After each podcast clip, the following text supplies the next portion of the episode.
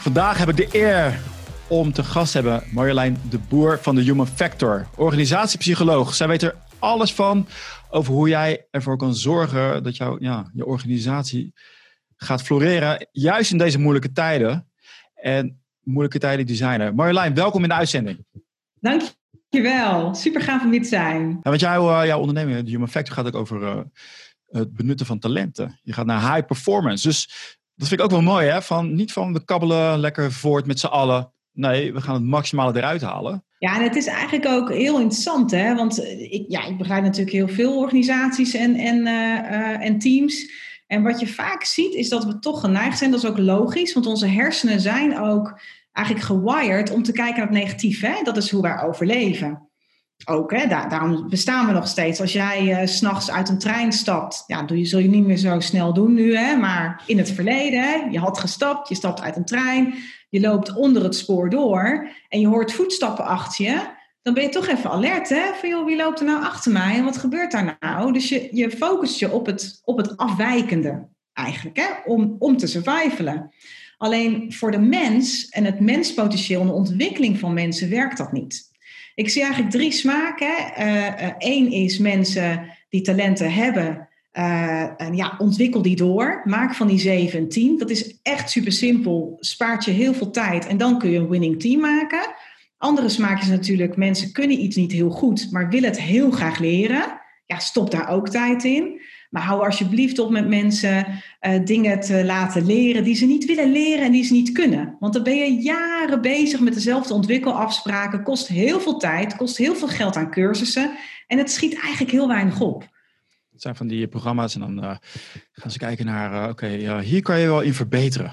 Weet je, er wordt heel veel tijd gestoken in het verbeteren van dingen die slecht zijn. Terwijl je veel meer winst maakt, dat hefboom effect, slaat veel meer aan als je gaat de, de, dingen waar mensen goed in zijn, nog beter gaat laten maken. En dat heft ook op waar ze niet goed in zijn. En dat wordt niet begrepen, om de een of andere reden. Ik weet niet waarom dat is. Nou, het is heel interessant. Uh, volgens mij heeft dat heel erg te maken met dat uh, veel leidinggevenden vinden dat alle medewerkers in het team een evenredig uh, stuk van de activiteiten moeten oppakken. Ja, dus dat iedereen, hè? Ja, ja dat, dan, iedereen moet eigenlijk hetzelfde doen. Terwijl ik denk, ja, als je naar dat dambord kijkt, als, als iemand nou heel goed is in het ene stuk van dat bord, waarom zou je dan heel hard gaan trekken aan andere teamleden die dat ook moeten kunnen? Waarom zet je diegene nou niet in een schijnwerper, zodat hij dat goed kan doen, dat verder kan benutten, verder kan uitbouwen? En dan kun je juist uh, de andere teamleden weer op andere stukken van het dambord in gaan zetten. En zo kun je eigenlijk een herverdeling van die uh, activiteiten gaan doen. Ja, dat is fantastisch, want dan krijg je een hele andere puzzel. Vaak teams die ik help met deze methodiek, dus dan kijken we eerst naar wat is het potentieel nou precies. Maar stap twee is altijd die puzzel maken. Nou, dan heb je een heel andere verdeling van activiteiten te pakken. Nou, dat is super interessant. Het klinkt zo logisch. Waar is het vandaan gekomen? Is het een of andere managementstijl die uh, ooit in het leven is geroepen? Die, waar ik geen weet van heb? Ja, nou ja, het, het is uh, mijn aanpak, de, het powerplan. En uh, ik ben, uh, ja, vanaf dat ik organisatiepsychologie heb gestudeerd, ben ik heel erg obsessief bezig geweest met het ontdekken. Wat maakt nou een organisatie en een team high performing? Ja, nou, ik, ik, bedoel dus niet, hè, niet jouw techniek, daar komen we zo op. Maar dat hele, we gaan kijken naar de jaren, dat is een popgesprek. We gaan even kijken waar je in kan verbeteren. En alleen maar sturen op uh, dat, dat iedereen hetzelfde moet zijn. Uh, lokaal ondernemerschap. Uh, iedereen moet in groepjes zitten. Samenwerken is belangrijk. Is er een of andere iets, een stroming geweest die heeft gezegd van... Zo, dit werkt echt heel goed.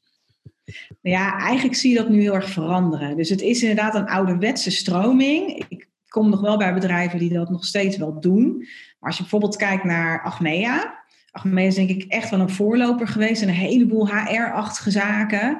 Ja, zij hebben het, eh, de beoordelingscyclus eigenlijk helemaal om, omver gegooid. Ze, ze hadden altijd hè, de, de eentjes, tweetjes, drietjes, viertjes, vijfjes. En dan afhankelijk daarvan kreeg je een salarisverhoging of, of niet. Hè?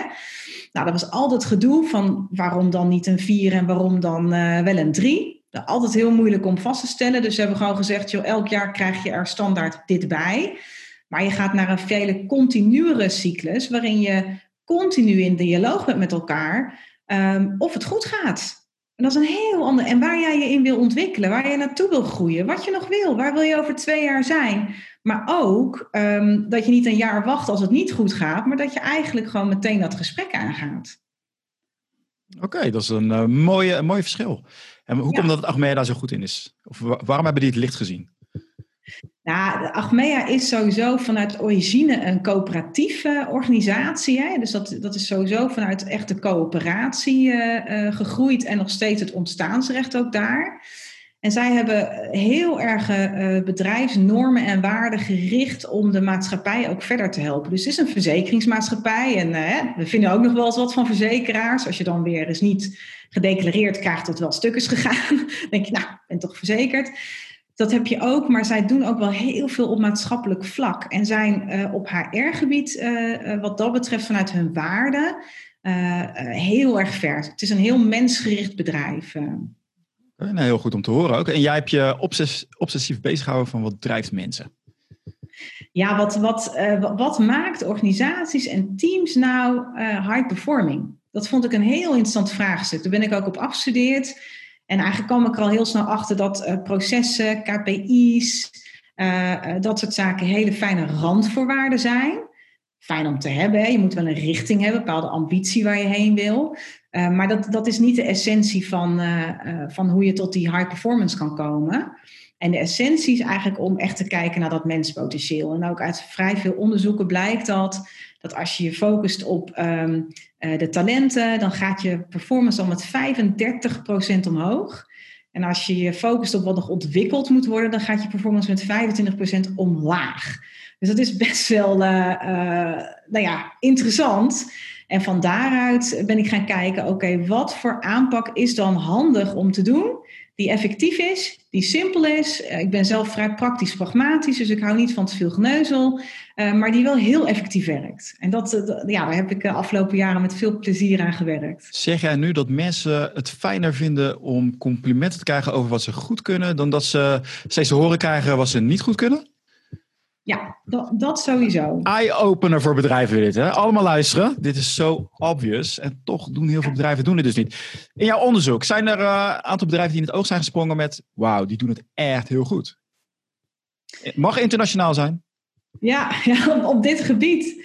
Ja, ik, ik denk dat, um, weet je, bedrijven, uh, als je leest hoe uh, Google bijvoorbeeld bepaalde dingen aanpakt, dat is wel heel interessant hoe ze hun HR-cyclus ook neer hebben gezet.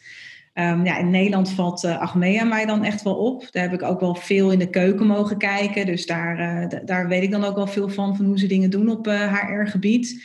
Uh, Enrise is een bedrijf in Nederland wat mij ook echt is opgevallen. Zij zijn echt naar echt de, de, compleet zelforganisatie gegaan. Dus zij hebben gewoon helemaal geen managementlaag meer. Zijn compleet zelfsturend. Dus dat wow, is wacht eens even.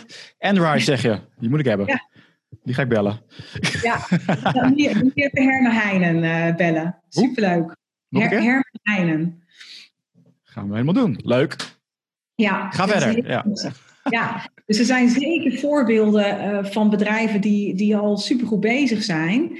En wat heel leuk is voor mij dan binnen mijn vakgebied, is dat ik ook door dat soort bedrijven gebeld word. Ook, niet alleen maar wanneer het uh, helemaal misloopt, maar juist ook door hele ambitieuze bedrijven die al heel lekker draaien, maar die nog een stap beter willen worden. Die echt alles eruit willen halen. Dus die nog stappen willen maken en mijn hulp erbij willen. Dus dat is ook heel leuk om te zien. gewoon bedrijven die niet gaan, uh, zelf gaan zitten uitdokteren. En pas als het fout gaat, gaan ze hulp vragen. Maar die nu al vooruitkijken met, we gaan nu al kijken hoe we het beter kunnen maken.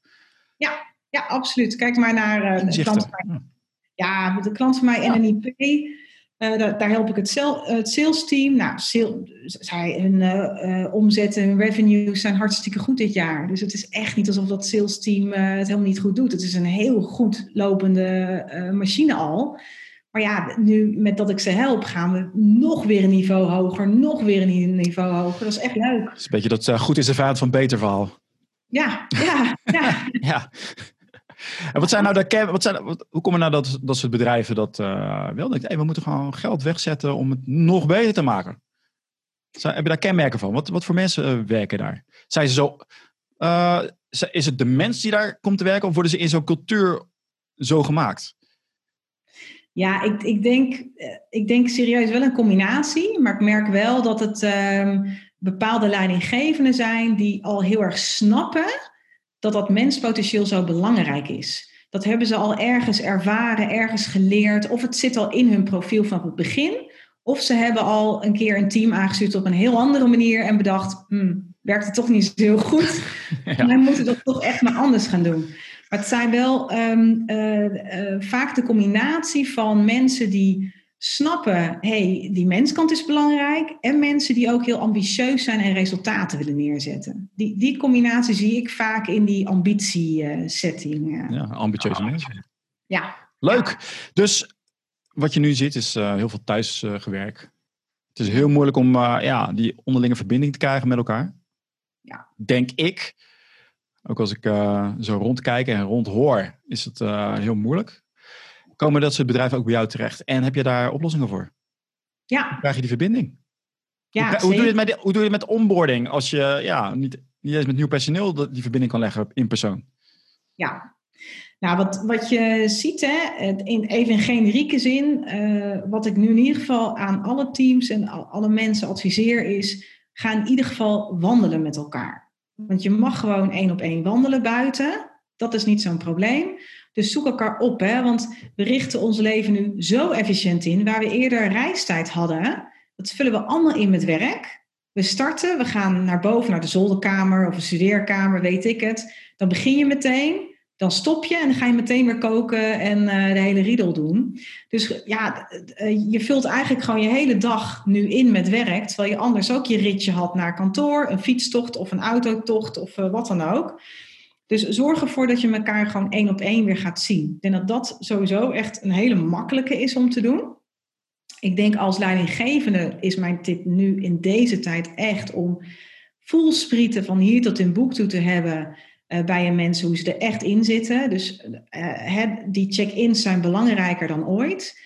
Kun je ook ontzettend mee spelen om niet de hele tijd dezelfde saaie check-in te doen. Uh, maar daar kun je andere vormen ook weer mee bedenken. Ook weer mee spelen dat mensen thuis zitten bijvoorbeeld.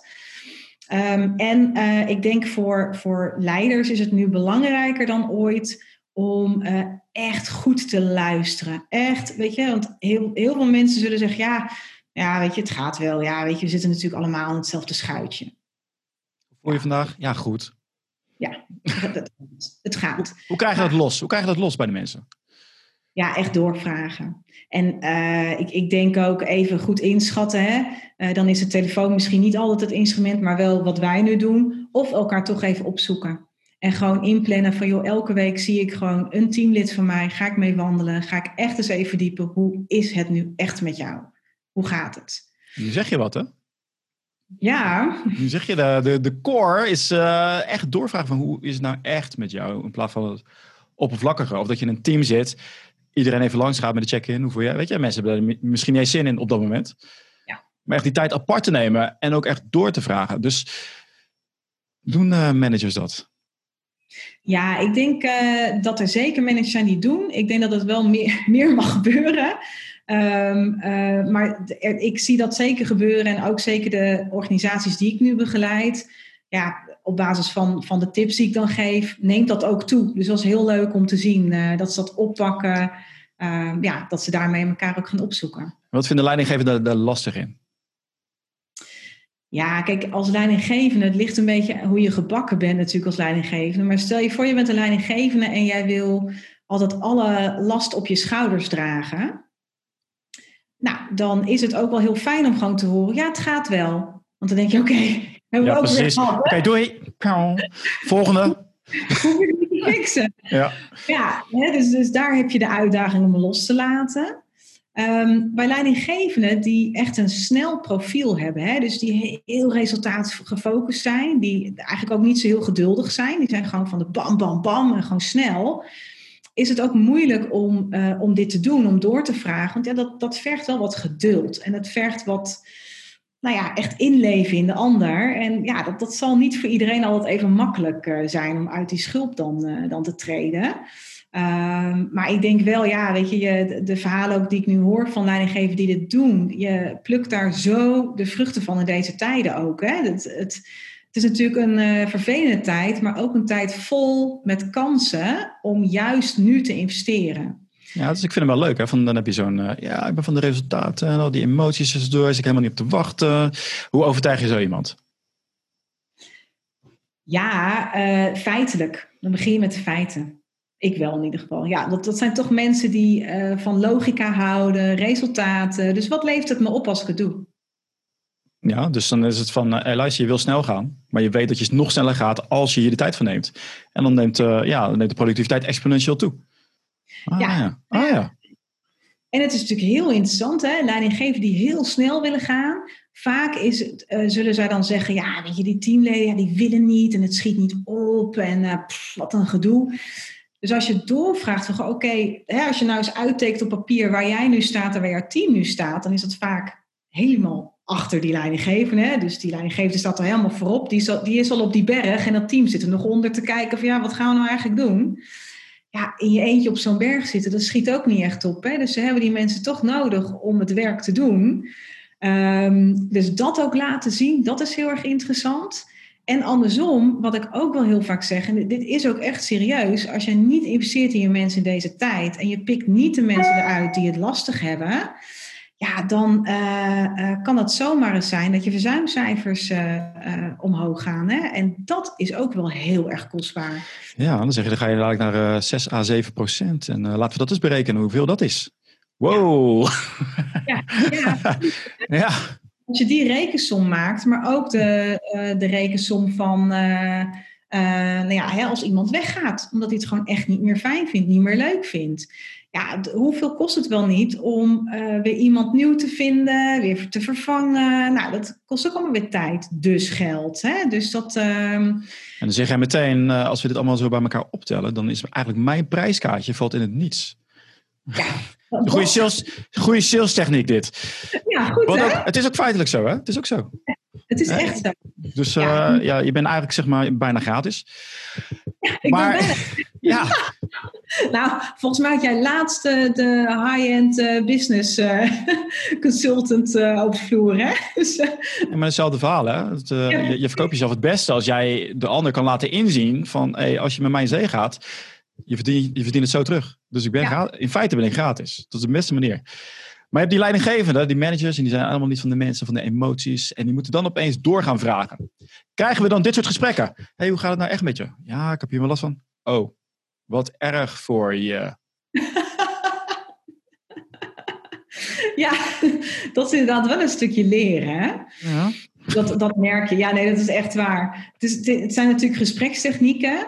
Ja. Um, aan de andere kant, waar ik altijd heel erg naar zoek, en dat, dat vind ik zo leuk voor mijn werk. Uh, ik maak altijd met mensen een powerbrand. Hè. Dan, dan kijk ik echt naar de diepere talenten, waarden en passies. Dus echt de uniekheid van mensen.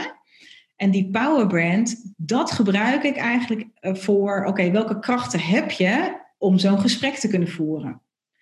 En weet je, de een is heel creatief, de ander die, uh, uh, is, is heel gestructureerd. Dus die bereidt zo'n gesprek heel goed voor. Uh, een ander die kan dus wel dat heel goed doorvragen. En door die dingen te gebruiken kun je ook zeggen van nou, weet je, oké, dat zo'n gesprek voeren is lastig voor jou.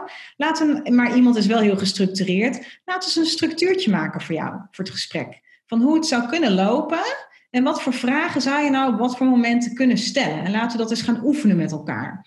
Of als iemand heel goed kan improviseren, dan zeg je van, nou joh, ja, laat het maar gewoon eens op je afkomen dan. Maar denk in ieder geval maar eens even aan zoveel mogelijk informatie verzamelen over deze persoon. Ik wil gewoon aan het einde van het gesprek voor jou weten hoe het echt met jouw medewerker gaat. Laat me dat maar eens horen. In plaats van uh, gelijk willen oplossen. Ja, ja, ja. precies. En, en een relatie, hè? Ja, dat is echt de relatie. Dan zeg, ja. ja, dat zeg bij een man of vrouw ook niet, hè? Nee, dat, oh ja, dat is zo. Ja. Bonus. Ja, nee. Meteen, meteen sterke relatie neerzet. Ja, nee, precies. Dus dan krijg je een leidinggever die eigenlijk weet van... oh, zo moet ik zo'n gesprek voeren. Dat houdt ook veel oh, tegen, hè? Want ze denken van, ja, wat moet ik... En nou, wat moet ik dan? Ja. Dan krijg ik dadelijk al die issues over me heen. Ja, ja, nee, die heb je zeker. En, ja, en dat is toch oefenen en toch kijken welke talenten heb ik wel in huis om het wel te kunnen doen. Want ik, ik ben er echt van overtuigd dat iedereen goed is in gesprekken voeren. De een beter dan de ander. Hè? Maar iedereen die kan dat natuurlijk wel. Maar wel vanuit een ander perspectief, vanuit een ander talentenpalet. En als je dat weet van jezelf, ja, dan, dan kun je je talenten inzetten. Wordt het ook minder moeilijk en ook minder stotterig. Hè? Dat, dat je iets doet wat eigenlijk niet bij je past. Ja, wat erg voor je. Hmm. Wat, eh, wat, wat, geef je. wat geef je leidinggever dan mee? Van, ze hebben een uh, medewerker en gaat, gaat, bijvoorbeeld, gaat het niet goed mee. En die heeft, uh, ja, ik zit nu thuis en ik heb bijna geen binding meer. En weet je, dat zijn mensen die vinden het leuk om uh, veel praatjes te maken bijvoorbeeld met, met collega's. Valt allemaal weg. Ja. Wat doe je in deze tijd? Want dit is iets wat veel speelt. Hè? Ondernemingen vinden het erg lastig om die binding te zoeken met mensen. Kijk, je geeft net aan, ga wandelen. Maar hey, als je heel ver weg woont, is dat ook weer lastig. Ja, ja ik, ik, ik zeg echt tegen teams, ga online verbinden met elkaar. Toch wel. Ja, hoe? Ik ben eigenlijk, ja, hoe? Ja, uh, ik ben met mijn aanpak helemaal online gegaan. Er zijn klanten die uh, willen nog wel fysiek bij elkaar komen. Dat mag ook volgens de RIVM-richtlijnen. Maar er zijn ook organisaties die zeggen, nee, we doen toch even de key dicht. Hè? Dus dan gaat alles naar online. En wat ik echt merk, hè, uh, je moet online even goed nadenken hoe je dat doet. Dat doe je toch iets anders dan fysiek natuurlijk, met wat andere elementen, wat meer pauzemomenten, maar ook wat andere uh, ja, speelse methodieken om uh, mensen scherp te houden. Maar wat ik eigenlijk van elk team hoor, die in het begin dachten van, ja, shit, eigenlijk wilden we gewoon fysiek hè, en nu moeten we online. Ja, nou, we willen ook niet uitstellen, want er is gewoon nog wat aan de hand, dus we willen toch wel bezig. Iedereen zegt na een hele dag online te zijn geweest: Wauw, wat was dit gaaf, wat was dit bijzonder. Wat, ik heb dingen gehoord, ik ken deze mensen al 15 jaar lang. Ik heb dingen gehoord die ik gewoon nog nooit eerder heb gehoord. Wat was dit waardevol? Dus het is ook een soort. Een stuk... hele dag? Ja, ja, gewoon een hele dag. En het kan. Het kan. En uh, hoe ga in zo'n Zoom met iedereen bedoel je? Het is een heel team. Ja, ja. En faciliteer, faciliteer je dat dan of doen ze dat zelf? Nee, ik, ik, faciliteer deze sessies. Kijk, dit zou je, je zou natuurlijk ook zelf ervoor kunnen kiezen om, uh, om wel bij elkaar te komen. Eigenlijk is mijn oproep van, doe het toch. Ook al denk je van tevoren van, nou, nou, nou, dat online, dat zijn we nu wel zat. Hè? Ik kijk al de hele tijd aan dat scherm, ik vind het wel best. Kijk, heel, heel realistisch gezien, dit duurt nog wel even dit hele COVID-19. Hè? Dit, dit gaat gewoon, de, de winter wordt, het wordt gewoon even een lange winter voor ons allemaal, denk ik zo. Ik ben uh, gelukkig, uh, werk ik niet bij het RVM, dus ik weet het allemaal niet, maar dat is wat ik me zomaar kan voorstellen. En als je dan zo'n lange tijd eigenlijk qua team niet aan het verbinden bent met elkaar, daar niet op investeert, ik denk dat het heftig is. Dus je moet dan toch uh, online gaan als team. Je zult toch, en dan kun je hele creatieve dingen in bedenken om dat toch heel gaaf te houden, leuk te maken, energievol te laten zijn. Um, en dat geeft echt een boost voor een team, ook in deze tijden. Dus ik vind mijn werk wat dat betreft ook in deze tijden geniet ik daar nog meer van, omdat ik gewoon zie hoe waardevol het nu is om te doen, ook online. Dus noem eens wat uh, van die creatieve technieken die jij hebt om uh, te zorgen dat mensen uit hun schulp kruipen? Nou, weet je wat nou een leuke oefening is? Een leuke check-in die je, die je thuis heel, heel leuk kan gebruiken. Dan laat je mensen een uh, voorwerp uh, vanuit huis kiezen. Die een voorbeeld geeft van hoe ze erbij zitten. Hoe het met hun gaat. Nou, dat is niet alleen superleuk, maar je ligt ook helemaal dubbel zo af en toe. Uh, ik had laatst iemand die liet zijn schildpad zien. Want hij voelde zich wat opgesloten in huis, hè? net als dat schildpad. Dus dan zie je ineens zo'n beest in beeld. Dus de, je, je, maakt het wat creatiever, maar daardoor doordat je even dat, dat ijs breekt, uh, uh, kom je ook weer makkelijker tot een wat dieper niveau. Ja. het is maar een voorbeeld van iets wat je nu kan doen, omdat mensen thuis zijn. Dus gebruik ook die ruimte thuis. Ik vind hem, ik vind hem heel leuk. Dus, uh, maar hoe zorg je ervoor dat dat dagelijks die connectie is? Kijk, als jij, ik kan me voorstellen als jij erbij bent, jij bent bruisend, enthousiasmerend. Je bent ook van buitenaf, dus gaan mensen zich ook anders gedragen. Dus als je kinderen hebt, die gaan zich opeens heel anders gedragen als er een, uh, iemand anders bij is. Maar hoe zorgen zij onderling dat het goed blijft gaan? Ja, ik denk echt uh, uh, ook in je, nou ja, sowieso de meeste teams die ik begeleid hebben wel teammeetings, hè, waarbij het dan meer over die inhoud gaat. Nou, mijn tip is altijd, maak die wat langer, zodat je ook uh, kan verbinden als team. Hè. Vaak is zo'n teammeeting drie kwartier of zo, en dan is het, nou, wie doet wat, de verdeling, bla bla bla, zijn er nog issues, en dan gaat iedereen weer aan het werk. Ja, ik zou er echt voor kiezen om dat nu lang. Ik zou er überhaupt voor kiezen om dat om, om echt gewoon een goede check-in te doen met elkaar. of gewoon eens even op maandagochtend tijd te hebben om even te praten over het weekend. Dat doe je op kantoor anders ook, hè? Dan kom je binnen dan vraag je, nou, hoe was je weekend? Wat heb je gedaan? En waarom doe je dat dan niet online? Hè? Dus ik ben, ik ben benieuwd naar die overstap. Hè? Kijk, dus uh, wat gebeurt er uh, op kantoor? Dan doe je dat met een aantal mensen. Ja. Weet je, die zoek je dan op. Alleen nu zit je dan bijvoorbeeld in een grotere groep opeens. En ik heb helemaal geen zin om met die personen te praten. En nu moet ik opeens gaan hebben over het weekend. Weet je, het is niet dat ik het wil hebben over het weekend. Ik praat over het weekend met die persoon. Ja ja, ja. Dus dan wordt het weer zo ja. gekunsteld. Heb je daar uh, heb je al uh, iets van die breakout rooms en zo? Je hebt allerlei nieuwe software. Ja. Helpt zoiets? Ja, ik weet niet wat ze doen. Ja, je kunt daarmee spelen. Hè? Dus je kunt het ook uh, at random laten zijn. Dat je gewoon zegt, van, nou weet je, laat het niet met een tien man doen. Maar laten we gewoon dat je elke ochtend met drie mensen, maar at random zie je dan vanzelf welke drie dat zijn. Net als bij de koffieautomaat weet je het eigenlijk ook nooit hè, wie je tegenkomt. En met ja, maar wie... die negeer je dan gewoon als je er geen zin in hebt. Ja. ja. Dus die praat, daar praat je niet mee. Nee, maar daar zit nou juist ook wel de, de mooie sleutel. Hè? Hmm, Want de, de, mensen die jij uh, negeert, dat heeft vaak een reden waarom je dat doet. Dat zijn uh, misschien je tegenpolen, die hele andere dingen goed kunnen die jij niet zo goed kan, maar die je ook heel irritant vindt. Hè? Stel je voor, jij bent van snel, uh, snel tempo. Hoog tempo, resultaat behalen. Hop, hop, hop, hop, hop, nu. En je hebt een collega en dat is meer iemand die houdt van de details en de feiten en er nog eens over nadenken. Nou ja, die, die ga jij echt aanschouwen als een schildpad. Weet je, dat schiet niet op. Dat is allemaal hartstikke traag. Dus ja, daar wil je ook liever gewoon niet mee samenwerken, want dan kun je niet lekker Het is alsof je mijn gedachten kan lezen. Dit is wel knap hoe jij dat doet. Ja, ga verder. Dus dat, maar eigenlijk zijn die twee profielen natuurlijk extreem complementair aan elkaar.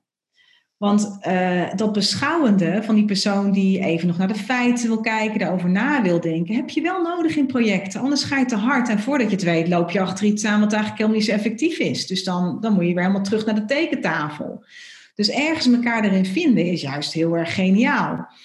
En, uh, en juist elkaar ook op een andere manier ontmoeten en leren kennen, zorgt er ook voor dat je elkaar beter gaat begrijpen. En zorgt er dan ook weer voor dat je, ja, dat, dat je beter connect met elkaar uh, in het werk. Dus het is volgens mij een win-win om juist met mensen dit te doen waarvan je eigenlijk denkt, hmm, ik vroeger, vroeger had ik altijd uh, moeite mee. Dat zijn mensen van, uh, die houden alles tegen. En later dacht ik van, oh wacht, die, dat zijn, uh, complimenteer ze. Of, want zij zien alle fouten die ik dan niet zie. Want ik denk, gaan, leuk. Dus daarin heb ik gedacht van, oh ja, nu, nu weet je, ik vat veel beter die plaats heen. Omdat ik altijd het idee heb van, oké, mijn energie wordt daarin weggehaald.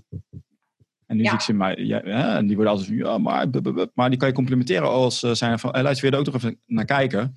Jij bent heel goed om te zien waar dit niet goed in gaat. En dit hebben we juist nodig. En dan zie je die mensen ook opleven. Ja, ja. Alleen is dat wel een verschil met, ik ga daar een leuk praatje mee hebben bij de koffieautomaat. En dus hoe doe je dat? Wat, wat, wat maakt dat verschil eigenlijk? Interessant. Um, ja, gewoon of je met iemand wel of niet vibet. Dus in een, uh, in een projectsetting kan je zeggen van, uh, weet je, ik heb je echt nodig en dan kan ik het wel doen vanuit een, uh, weet je, ik wil iets voor elkaar krijgen. Ja. Kijk, en dat kan je kopiëren naar, ik ga met iemand praten bij het koffiezetapparaat. Dat zou kunnen. Alleen, dat doe je dan, ja, dat doe je dan ook wel doelmatig. Maar je, zul, je zou het niet doen omdat het alleen maar leuk is om daarmee te praten. Dus de vraag die ik stel nu is, als je dat doet online, ja. kom je dus in een situatie waarbij je met elkaar ja, over leuke dingen of even over het weekend wil praten. Maar eigenlijk zit je niet op één lijn. Je kan wel met elkaar praten, maar functiegericht. Hoe pak je dat aan? Ja, ja als, als dat echt niet botert, hè, of, of, of de, de spelen dingen in een team waardoor mensen echt zeggen: nou, ik heb echt geen zin in die. Ja. Dan, uh, uh, ja, dan, dan zou ik altijd uh, een sessie inplannen daarvoor. Om echt, zeg maar, de, de Power Brand Workshop die ik geef, gaat, gaat echt diep. Dan leer je elkaar echt op een andere manier kennen. En eigenlijk stappen mensen daar ook echt met een heel andere mindset uit van. Oh, ik wist helemaal niet dat dat en dat allemaal speelde bij die persoon. Of ik wist helemaal niet dat hij dat allemaal had meegemaakt. Of dat hij zo gebakken was. Of, en dat verbindt altijd. Dus okay, dus wel een dieper begrip. Uh, dat je wel. Dus wel eigenlijk wel, wel het gesprek aangaat. Ja. Maar vanuit een ander model. Dat je wel dieper erop ingaat. En daardoor juist meer begrip krijgt voor die persoon. Van waarom is je eigenlijk zo uh, waarom is die persoon zo snel altijd? Uh, Weet je wel, want eh, de mensen die juist alles punctueel willen hebben, die denken van, je, die denkt ook nergens over na, die was over overheen, die mist van alles. Ja. Dus dat je van beide kanten meer begrip krijgt erin. Want wa- waarom het zo belangrijk is, waarom ik daar dan toch op hamer, is omdat ook al weet je functioneel in het project, oh ja, nou dat is wel fijn dat hij eh, of zij wat meer analytisch is, hè, en dat is wel prettig voor mij. De gunfactor is eentje, dat is echt, die, die is van, van onschatbare waarde in werksituaties. En de gunfactor ontstaat niet op functioneel niveau, die ontstaat echt op mensniveau. En, en als jij dus uh, uh, op functioneel niveau wel uh, iemand beter kan vinden, maar op mensniveau niet, dan zal het toch nog steeds niet lekker lopen. Als je elkaar beter snapt, beter begrijpt, beter weet waar iemand vandaan komt, dan gaat die gunfactor omhoog. En dan ben ik gewoon eerder geneigd om ja, dingen voor jou te gaan doen. Zo simpel is het. Ja, en de vraag is, hoe krijg jij die mensen open tegen elkaar? Zit ja. jij dan ertussen? Zeg van, eh, wat, wat, wat zijn jouw hobby's? Wat. nee, nee. Ik, Waar kan ik, ik jou s'nachts voor me wakker maken? Ja. Hoe gaat dat? Nee, ik bouw dat absoluut op, want dat heb je niet uh, ineens te pakken. Uh, dus dat, dat bouw ik op met verschillende oefeningen. Ga je eigenlijk steeds naar diepere lagen kijken. Uh, en ik, eigenlijk vanaf het begin helpt het team elkaar ook om van elkaar te ontdekken wat iemand zijn talenten, waarden en passies zijn. Hè? Want ja, ik kan wel denken, hier ben ik goed in, maar waarschijnlijk mis ik echt nog een stuk van dingen die voor mij zo natuurlijk zijn, dat ik die helemaal vergeet te benoemen. Want die zijn voor mij gewoon heel naturel, dus weet ik veel dat dat een talent is. Dus je eigenlijk vanaf het begin al elkaar te laten meedenken over, goh, hoe ziet het profiel bij de ander er nou uit? En het rustig op te bouwen. Uh, dat, daar zit wel de sleutel zeker voor teams waar er heel veel speelt. En dat zijn bij veel teams, dat er allerlei onderhuidse zaken spelen? Valt het wel mee? Ja, ik, heb geen idee. Het, hoe zit dat? Uh, ja, hoe zit dat? Een beetje zo'n soapserie overal. Ja. ja. Het speelt altijd wel iets, sowieso. Er is altijd wel weer een konijn die uit de hoge hoed komt in mijn uh, rol. En dat vind ik dus ook heel leuk, want ik weet het ook nooit uh, wanneer hij dan komt. Maar hij komt altijd. Mm -hmm. uh, maar ja, weet je, ik begeleid echt wel teams waar gewoon heel veel speelt. Waar ik echt gewoon, eh, ja, echt wel heel erg moet begeleiden om, om een stap verder te komen. En ik begeleid ook teams waar het nou, op zich gewoon prima loopt, maar wel eens wat irritaties zijn. Nou, die kun je dan wat makkelijker weghalen. Ja, oké. Okay. Dus dan, je hebt een beetje zo'n utopie wat je aan het maken zijn, bent, aan het creëren bent. Ja, zeker. Dat kan, toch, al, dat kan toch niet, joh? Je kan toch niet overal dat iedereen het naar zijn zin heeft op zijn werk? Dat is toch raar? Nou, het gaat niet om naar de zin hebben.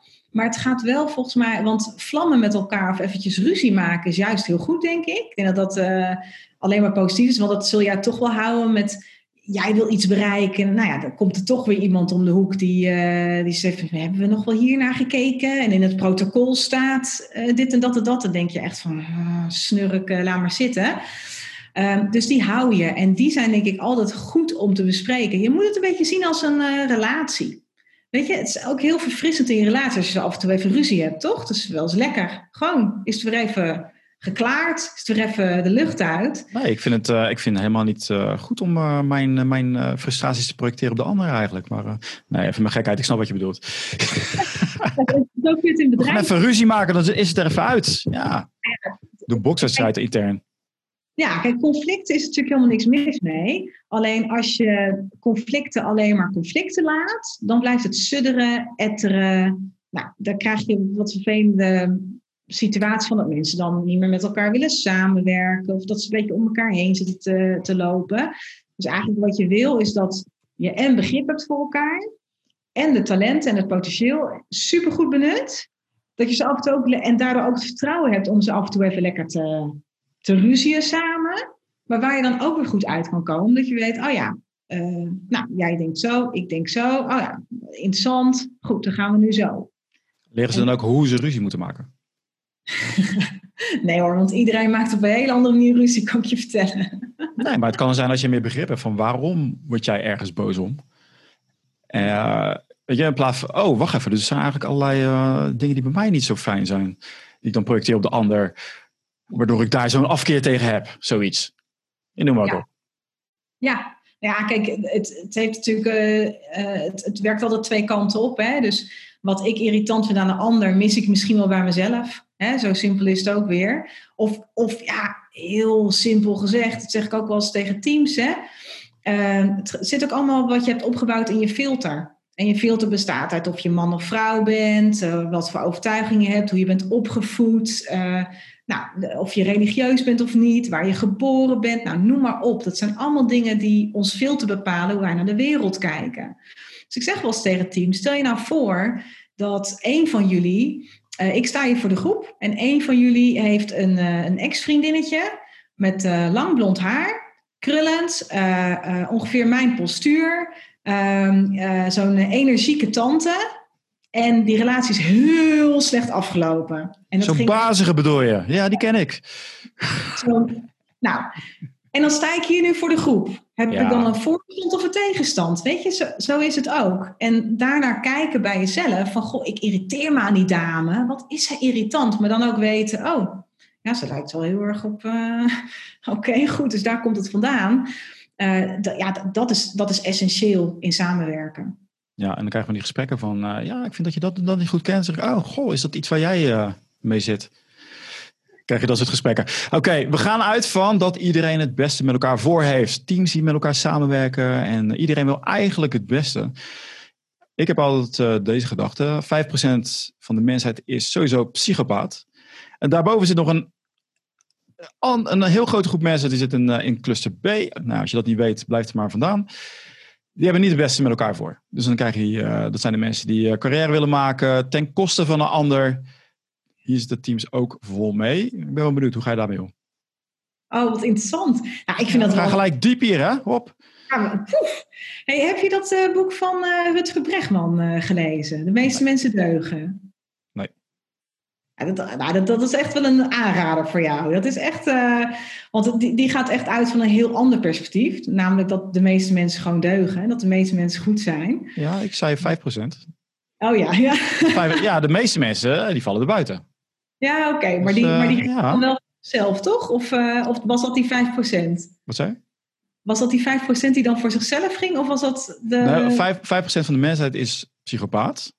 Ja. En daarboven nog een percentage wat ook richting cluster B zit, die ook ten koste van anderen carrière wil maken. Ja. Dus dat is het kleinste percentage. Dus inderdaad, het kleinste percentage zijn de mensen waar je mee voor moet oppassen. Ja. ja. Dus uh, ik ben uh, de percentage, percentage heb ik goed, dus uh, ga verder. Ja. Nee, precies. Ja. het is sowieso een aanrader, dat boek. Superleuk. Ja. ja. Kijk, um, wat, wat je natuurlijk wel tegenkomt, en dat heb ik ben ik niet zo vaak tegengekomen, eerlijk gezegd, in de afgelopen 15 jaar, maar wel is dat mensen gewoon echt psychische klachten hebben. En dat, er gewoon, dat, het, ja, dat, dat het gewoon niet goed gaat met ze. En dat het echt wel, hè, dan zit je echt wel aan deze DSM'tjes 4, 4 en 5 te denken. Ja, dat is, dat is wel bijzonder ingewikkeld. Dus eigenlijk kom je dan ook op, op heel andere trajecten met, met HR, om ook te kijken hoe mensen in eerste instantie ondersteund kunnen worden. Maar dat, dat is lastig om daar. Ja, ik, ik, zie, ik zie me anders. Er zijn echt mensen die uh, psychische problemen hebben. Gewoon de mensen die geen psychische, ja, misschien wel psychische, psychische problemen hebben, maar dat niet van zichzelf vinden. En eigenlijk ten koste van alles uh, carrière willen maken of stappen willen zetten. Of er zelfs plezier bij hebben om andere mensen te benadelen. Ja. Ja. Ja. Dus hoe doe je dat? En jij bent, uh, ik weet niet wat jouw studie is, maar psychologist. Ja, dan weet, jij daar, dan weet jij daar ook alles van. Ja, zeker. Dus ik, ik breid het nu naar voren, omdat het anders het idee kan zijn van iedereen is uh, vrij blij. En uh, weet je, als begrip is voor iedereen, komt het wel goed. Ja. ja. Nu kan je daar waarschijnlijk ook uit horen dat ik andere ervaring heb. En ja, ja ik, ik, ik specialiseer me erin. En vaak als je dat, tegen, dat tegenkomt, dan pas wordt het duidelijk. Ja. Er zijn mensen die hebben echt de waarde, uh, uh, ja, persoonlijke vrijheid noem ik die waarde. En dat zijn echt mensen die zijn heel ambitieus. Die willen ook die willen, uh, resultaten behalen, maar met hun naam erachter. Dat is heel belangrijk voor hun. Um, en als er dan niet echt heel veel andere drijfveren tegenover zitten, zoals rechtvaardigheid of gelijkwaardigheid, hè, wat dan wat meer de socialere drijfveren zijn. en er zit heel veel resultaatgerichte energie ook nog bij. Hè? Ja, dan heb je wel mensen die dus voor hun eigen gewin gaan en resultaten willen behalen, dus snel stappen omhoog willen maken. Ja, weet je, uh, dit, is, dit zijn echt lastige profielen. Dit is echt heel ingewikkeld voor teams. Hè? Want omdat ik geloof er echt in, je bent zo sterk als je zwakste schakel in een team. En Google heeft hier een heel interessant onderzoek ook naar gedaan. Van wat, wat maakt nou de perfecte teams? En ze hadden de verticale as. Dat was zeg maar hoe uh, goed vaardig je was, hè, hoe slim en, en skilled iemand is. En de horizontale as, dat ging echt over ja, of iemand teamwork liet zien, sociaal, empathisch, echt een beetje die zachte factoren. En wat zij heel erg zagen was dat het profiel wat jij nu omschrijft, dat, dat, dat kunnen dus wel hele slimme mensen zijn die heel goed zijn, die echt hun werk ontzettend goed kunnen doen. Maar die dus eigenlijk alleen maar op die verticale as zitten. Hè? Dus helemaal boven in die verticale as. Een beetje ja, de eikels van je team. En, uh, en je hebt natuurlijk mensen die wat minder slim zijn. Maar Dan weet je dat pas als je je herkent hierin. Je bent een eikel. die zijn gewoon niet zo sociaal. Die zijn niet empathisch, zijn niet met anderen bezig. En eigenlijk de conclusie van hun onderzoek was heel erg... focus op mensen die... Uh, focus je dan beter op mensen die wat minder uh, vaardig zijn maar die wel heel erg die social skills hebben. Omdat ja, je bent zo sterk als je zwakste schakel. Als je iemand hebt die niet als teamplayer wil acteren, maar je moet wel als team vooruit.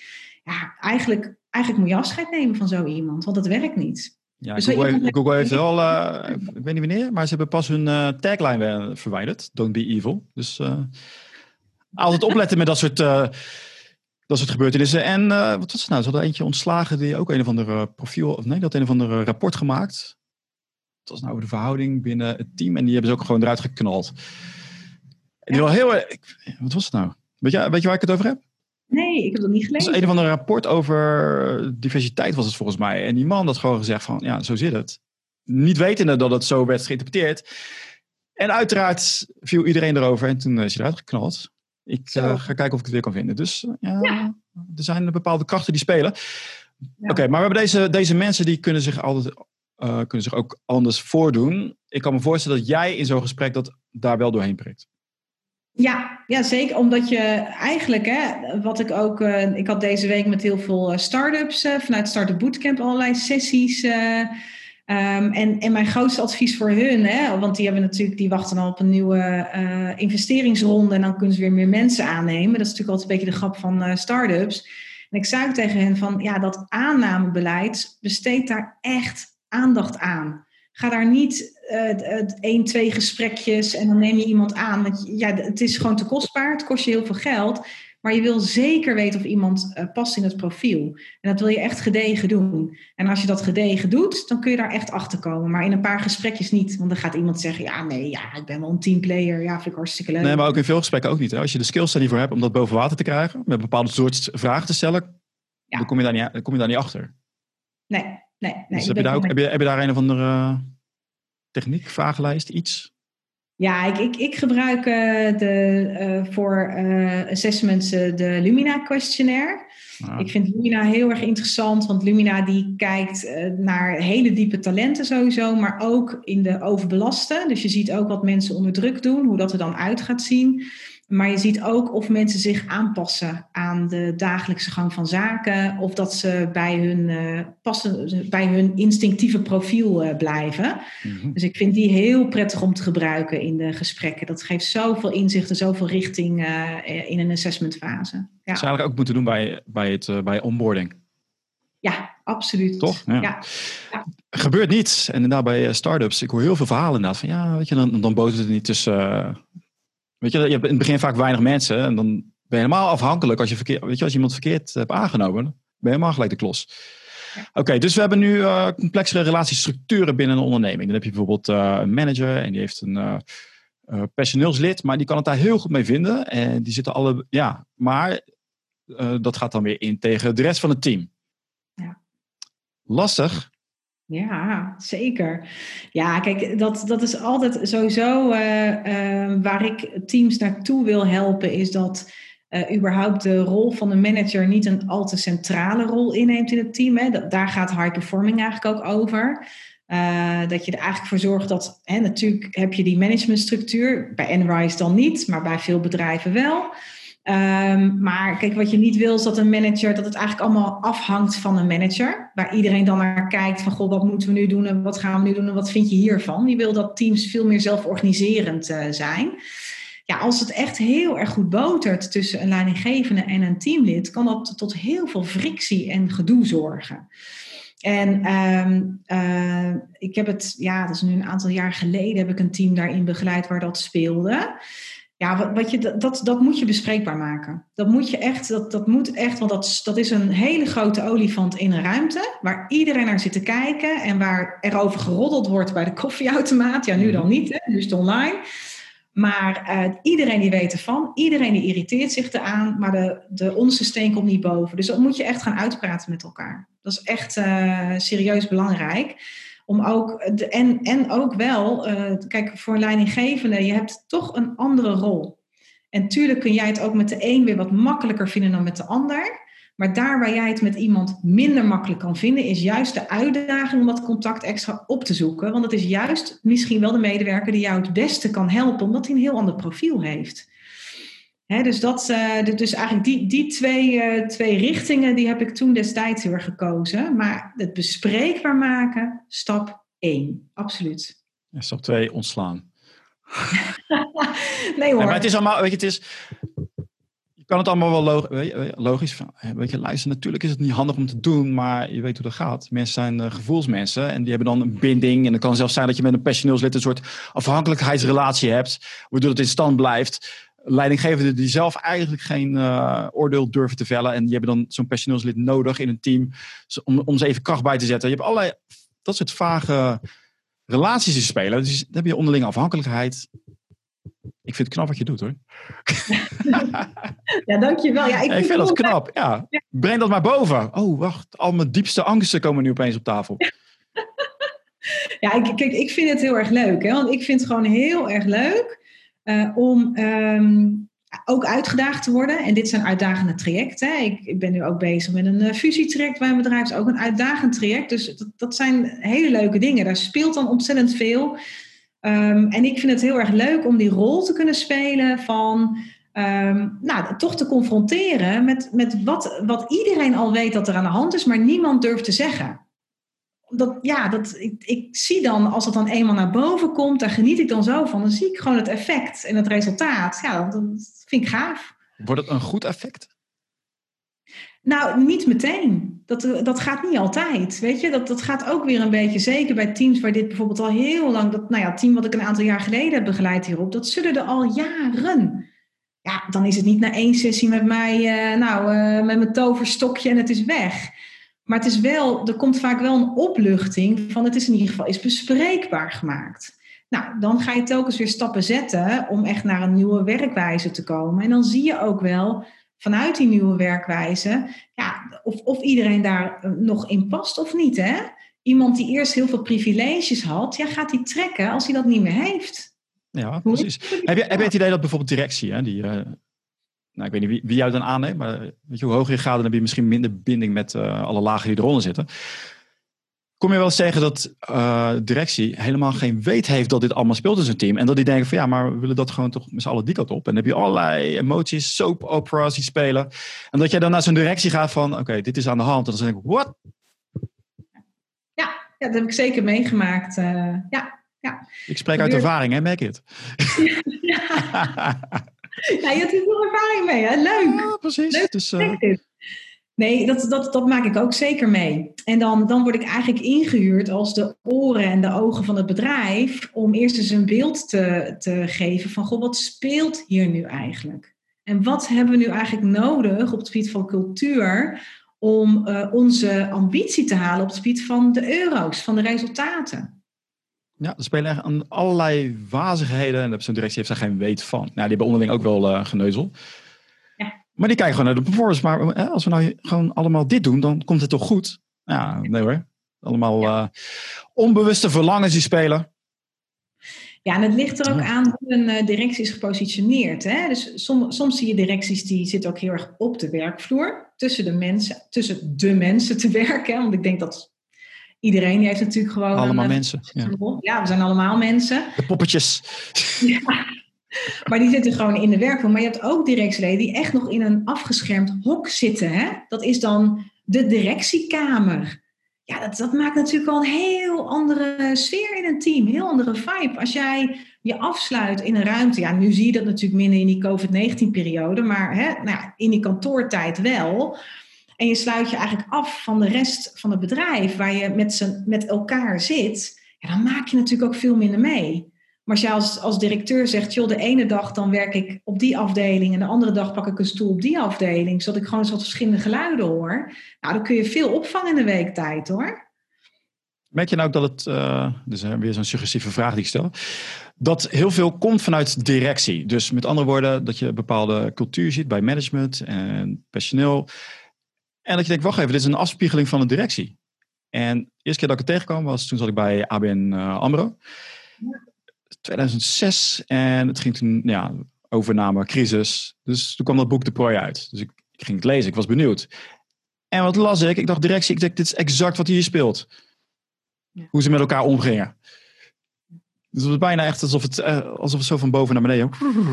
En iedereen nam het over. Ja, nou wat, wat je wel ziet, hè, en daarom uh, zeker bij grote verandertrajecten start ik toch wel graag met de directie. Want vaak zie je wel dat veel dingen die daar niet goed gaan, ja. ja die slijpen door. En mensen kijken, mensen kijken toch, of je nou hiërarchisch gevoelig bent of niet, dat maakt eigenlijk niet zo heel veel uit. Mensen kijken wel een beetje naar hoe directie doet. Als directeuren elk overleg tien minuten te laat komen, ja, wat denk je dan dat er gaat gebeuren in de komende weken? Weet je wel? En dan zeggen ze, nou, mensen zijn niet punctueel hier. Nee, jij bent ook de hele tijd te laat. Dus je, je uh, leading by example is wel echt een hele, hele, hele essentiële in, uh, in cultuurverandering. En daar, daar zul je als directie ook heel conscientieus en heel gedisciplineerd in moeten zijn. Net als met, dat is met de gezinnen. Krijg je, krijg je dan om, hè? of de directie die haalt jou erbij en zegt van, hey, kun je even kijken naar die mensen? En dan kom jij erachter van, oh wacht, dat komt van de directie af. En dan denken zij van, ja, dag, daar heb ik jou niet voor ingehuurd. Ja, maar ik, ik, ik start eigenlijk altijd als ik op, op echt, hè, ik doe ook teamklussen, maar als ik echt op organisatieklussen word ingezet, zeg ik altijd, ik begin met jullie. Dus ja, ik ga ook met iedereen praten, ik wil wat er speelt, maar we gaan met jullie starten. Ja, maar jij weet dat het absoluut geen nut heeft anders. Ja, het maakt niet uit. En dan kan ik, weet je, het laatste wat ik wil, is dat ik binnenkom, dat ik met allemaal mensen aan de bak ga, die allemaal leuke dingen willen doen en die super gemotiveerd zijn om allemaal dingen op te pakken. Maar wat ik er niet doorheen krijg, omdat ik die directie niet mag aanpakken. Ja, dat schiet niet op. Dus dat, ja, ja. Uh, je, hebt, ook geleerd hè, door uh, schade en schande. Nee. Ja, dus dat, gaan we ja, doen. Ja. En wat vind jij van uh, The Office, die serie? Oh, The Office, ja, die heb ik heel lang geleden gekeken. Dat is echt al jaren geleden dat ik die heb gezien. ja, daar zitten natuurlijk best wel geestige dingen in. wel grappige, herkenbare dingen ook wel. Ja. ja, nee, maar is het, is het representatief? Denk Ja, het is natuurlijk wel een comedy, maar ik, ik vond wel, uh, ja, veel zaken komen wel tegen. Van, wat, doet die, hè, wat doet die manager nou eigenlijk?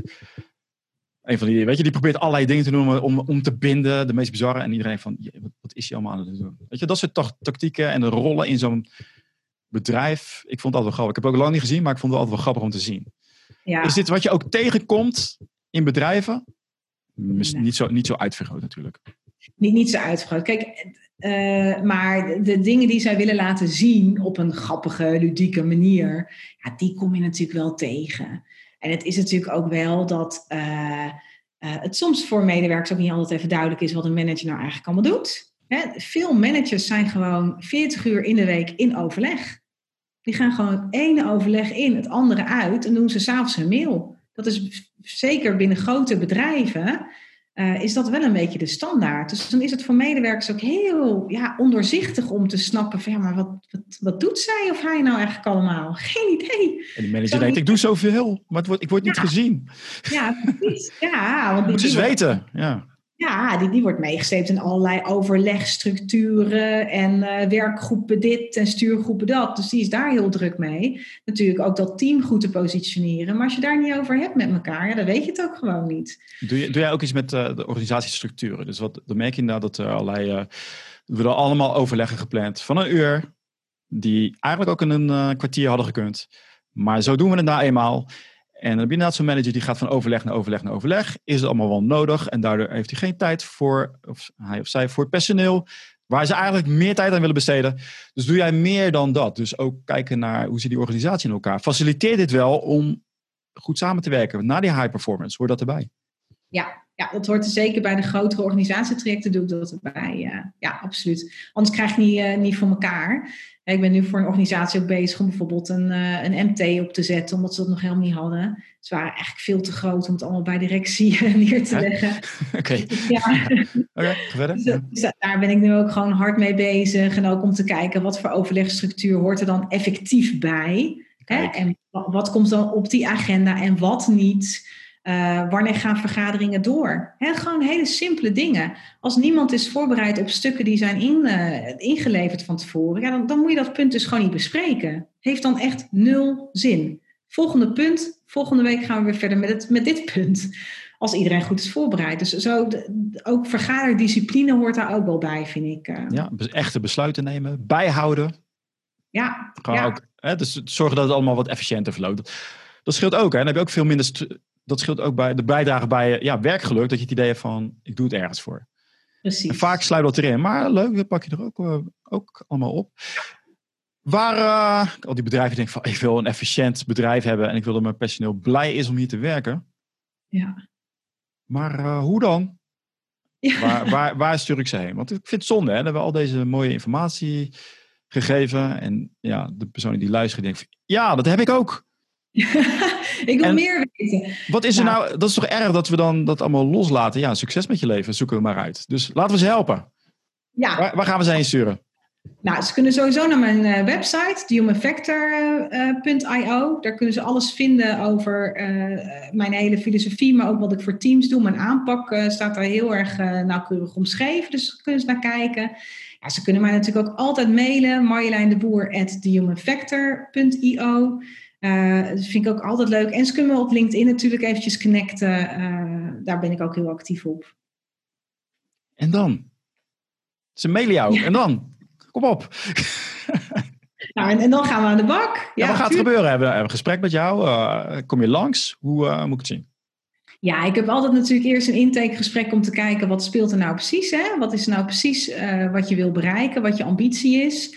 Um, zeker als het gaat over high performance zelforganisatie, dan uh, kom ik eigenlijk altijd met mijn aanpak Powerplan. Uh, uh, zal, ik dan toelichten wat ik daar dan exact doe. Daar, dat bestaat eigenlijk uit een aantal stappen, maar het zou je in twee delen kunnen opsplitsen. Het ene deel gaat heel erg over te ontdekken welk potentieel je nou precies hebt binnen je team of binnen je organisatie. Het andere deel gaat over hoe kunnen we dat nou structureel gaan inrichten zodat je het potentieel ook gaat benutten. Uh, dus dat is eentje. Uh, hebben bedrijven zoiets van, nou uh, ja, we naar zelforganisatie, maar er speelt ook nog best wel veel op gewoon organisatieniveau. Eigenlijk hebben we ehm, onze hele culturele agenda nog niet, nog niet op orde. We hebben nog helemaal geen waarde, we hebben nog geen missie. Nou, dan, dan neem ik dat allemaal mee in de intake en dan zal dat eigenlijk moeten gebeuren voordat we het powerplan kunnen uitvoeren. En hoe zorg je dat jij aan tafel komt met de mensen die ook het besluit uh, ja kunnen geven? Want dan bellen ze je op en dan heb je misschien zo'n ambitieuze manager die eigenlijk helemaal geen ja, mandaat heeft om jou aan te nemen. Hoe, uh, hoe fix je dat? Ja, ik vraag altijd of mensen budget hebben, of ze budgethouder zijn. Kijk, daar gaat het uiteindelijk om. Hè? En als zij de budgethouder niet zijn, dan wil ik weten wie dat wel is. Voor dat gesprek? Nou, weet je, ik vind het altijd uh, pri. Ik, vind het, ja, ik, ik ben van de verbindingen, dus ik vind het altijd heel leuk om mensen te spreken. Ja. Maar uiteindelijk, als je iets gedaan wil krijgen binnen een organisatie, gaat het toch om, uh, uh, om daar ook in te investeren als bedrijf. Ja, dan, dan moet je wel weten of iemand daar zelf over kan kiezen, of dat je dan met iemand anders moet zitten. En dan help ik iemand heel graag ook weer als een manager zegt, ik wil dit zo graag voor mijn team, maar ik ben geen budgethouder. Wat ik overigens eigenlijk nooit tegenkom hoor, want de meeste managers hebben hun eigen budget wel. Ja, dan, dan gaan we gewoon zitten met uh, de manager van die persoon erbij. En dan gaan we dat gesprek eens aan, weet je. Dus zo... Uh... Ja, maar het kan dus best zijn als je manager bent, maar je weet van het probleem ligt hoger. Of ook bij directie. Ja. Van ik wil, uh, ja, weet je wel, dan, dan kan je misschien, hoef je dat niet zo point blank te zeggen. Maar weet je, dan kunnen ze jou denk ik ook wel bellen van hoe gaan we het voor elkaar krijgen dat we ook directie erbij betrekken. Ja, absoluut. Want jij bent ja. uh, als psychologist, weet je exact waar je aan moet, uh, wat je moet raken om uh, directie ook te motiveren. Ja, dus precies. jij helpt ze om ja, misschien ook meer budget te krijgen. Ja, Kijk, ja. Nee, daar kan ik zeker over meedenken. Vind ik altijd leuk. Dat om is ook voor de mensen, ja, dat is ook voor de managers die denken van ja, wacht even, ik weet niet of ik de rest van mijn organisatie wel meekrijg. Jij helpt daar ook in om te zorgen dat ze het wel voor elkaar krijgen. Ja, Dat ja. is heel gaaf. Ja. Dat, dat is tof. En soms kun je er ook juist voor kiezen om gewoon eens te beginnen met één team. En het succes daarvan te laten zien. Werkt ook super goed. Dan denken mensen, wat gebeurt dat toch? ja, wat doen ze allemaal? High performance. Nou, dat Moet je, toch... moet je bij Marjolein wezen. Ja. ja. Dus dat, dat, dat is ook een tactiek. Hè? Maar dat, ik vind het altijd leuk om die tactieken ook door te nemen met managers. Ja, Ja, precies. Dat dacht ik al. Hey, leuk. We zijn, eh, ja, we zijn al een uurtje verder, maar eh, veel, eh, veel waardevolle informatie. Ik heb een aantal gesprekken gehad met andere coaches van, ja, coaches noem, maar inderdaad het vraagstuk van hoe zorg je voor die verbinding binnen, binnen teams. Dus eh, ik vind, eh, je hebt erg leuke inzichten. leuk. En jouw energie, dat is ook wel niet eerlijk eigenlijk. Hè? Dan ga jij weg en dan zitten ze weer zo, uh, zitten we weer laag. Help je ze ook een beetje om uit de schulp te kruipen, dat ze dat ook gaan. Weet je, het innerlijke kind even naar boven brengen. Tuurlijk. Doe. Ja? Nou, op, op mijn eigen manier. Hè? Want kijk, ik, ja, ik ben gewoon heel erg energiek. Dat weet ik ook van mezelf. Dat, eh, dat is gewoon echt wel mijn ding. Maar iedereen heeft natuurlijk zijn, zijn eigen manier van energie tonen. Die aanboren op je eigen manier, zodat die authentiek past. Dat, dat vind ik superleuk. Ja, die angsten weghalen. Dat zeggen, het is oké om zo te zijn. Echt waar? Ja, het is oké. Ik wil niet zeggen dat je minder intelligent bent. Wil juist zeggen dat je minder bang bent voor wat anderen van je denken. En dat geeft je juist extra kracht. Dus echt waar? nou, En dan zijn ze helemaal om. ja, Hebben we dat ook nog eens hopla, een keer gedaan. Hey, dankjewel. Is er nog iets wat ik ben vergeten? Nee, volgens mij niet. Ja, nou ja, één ding, dat is misschien heel leuk. Voor eh, mensen die het nou leuk vinden om gewoon eens een eerste taster te krijgen van... Goh, wat voor eh, profiel heb ik nou eigenlijk? Kun je naar mijn website gaan, thehumanfactor.io slash academy. Daar zie je een gratis, eh, snelle power profile scan. Die kun je dan doen en dat geeft je een eerste inzicht in jouw talenten, waarden en passies. Kijk eens aan. Dat is een vragenlijst die je dan gaat invullen. Ja, En Ja, er komt dan een, eh, een heel profiel uit. Dus eh, hartstikke leuk. Oké, nou leuk. Ik eh, ga mezelf eigenlijk ook doen. Ik ben wel benieuwd. Ja, laat me weten. Ja, het ligt eraan wat eruit komt. Zo, oh no. ik voldoen niet aan mijn, mijn eigen beeld dat ik heb. Erg leuk. erg energiek. Ik hou er wel van. En dit, dit, zet- dit gooi je ook de wereld in. En dat krijgen we het butterfly effect. En dan zorgen we dat veel meer mensen hier enthousiast over raken. Dus dank je wel. Nou, jij ook bedankt. Superleuk. Deze aflevering wordt gesponsord door High Impact Profits. High Impact Profits helpt slimme ondernemers die meer impact en meer winst willen maken.